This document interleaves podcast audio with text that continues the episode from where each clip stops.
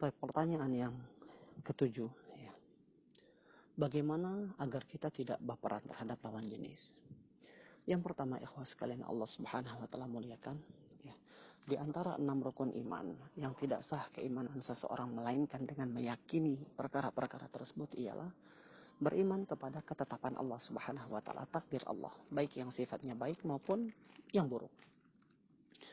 Dan di antara perkara-perkara yang telah Allah Subhanahu wa taala tuliskan bagi seorang hamba itu perkara jodoh. Ya. Perkara jodoh. Ya. Yang mana masing-masing dari kita sudah Allah gariskan jodohnya.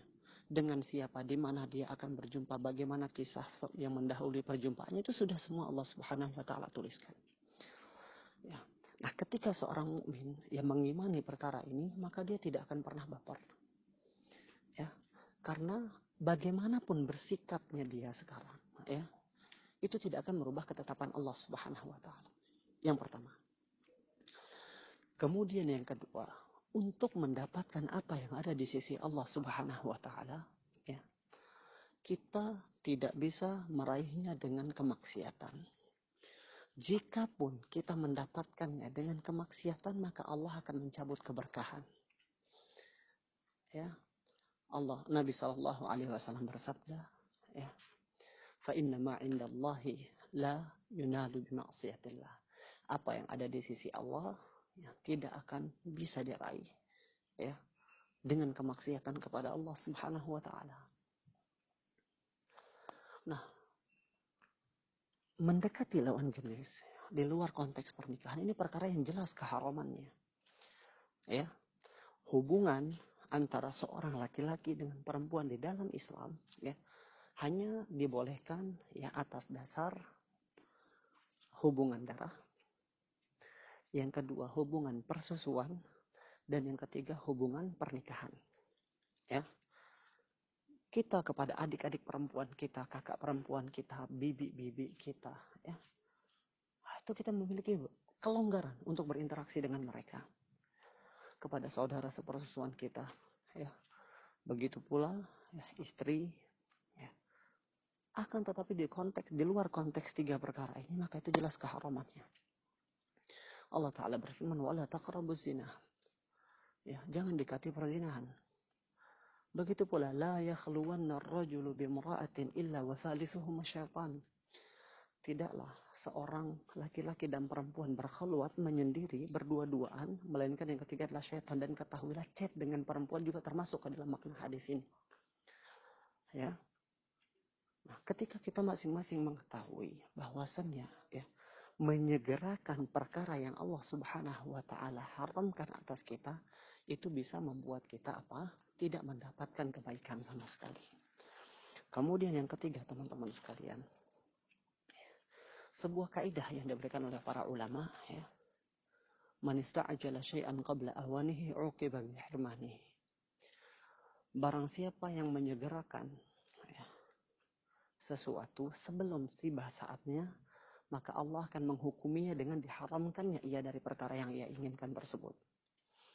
Begitu pula dengan jodoh ketika kita menyegerakan jodoh sebelum saatnya, yang mana jodoh itu baru berhak kita dapatkan dengan menikahkan, tapi kita menyegerakannya dengan pacaran, dengan berinteraksi, ya dengan menjadikan seorang wanita sebagai teman tapi mesra, ya tidak mengklaim hubungan pacaran, tetapi chatnya tidak ada beda antara dia dengan orang pacaran. Ini bentuk menyegerakan sesuatu yang belum tiba saatnya. Maka ketika kita menyegerakan, maka kita telah mengharamkan diri kita dari kebaikan yang banyak kita memilih ya seorang wanita misalnya ya dan kita mendahului pilihan Allah Subhanahu wa taala ya, maka ketahuilah mungkin kita akan mendapatkan wanita tersebut tapi akan Allah Subhanahu wa taala cabut keberkahan. Allah Subhanahu wa taala akan cabut kebaikan. Allah akan berikan kepada kita apa yang kita pilih akan tetapi Allah haramkan kita dari apa yang akan Allah pilihkan bagi kita jika kita bersabar. Kemudian yang keempat, fitnah terbesar yang Nabi tinggalkan bagi laki-laki ialah wanita. Ya. Begitu pula sebaliknya fitnah bagi seorang wanita itu adalah laki-laki.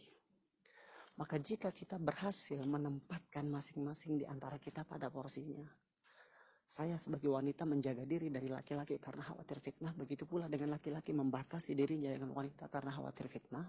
Ya. Maka insya Allah perkara-perkara yang tidak diinginkan itu bisa bisa dihindarkan. Kemudian yang kelima, sekedar kagum dan rasa suka itu merupakan sesuatu yang sifatnya wajar.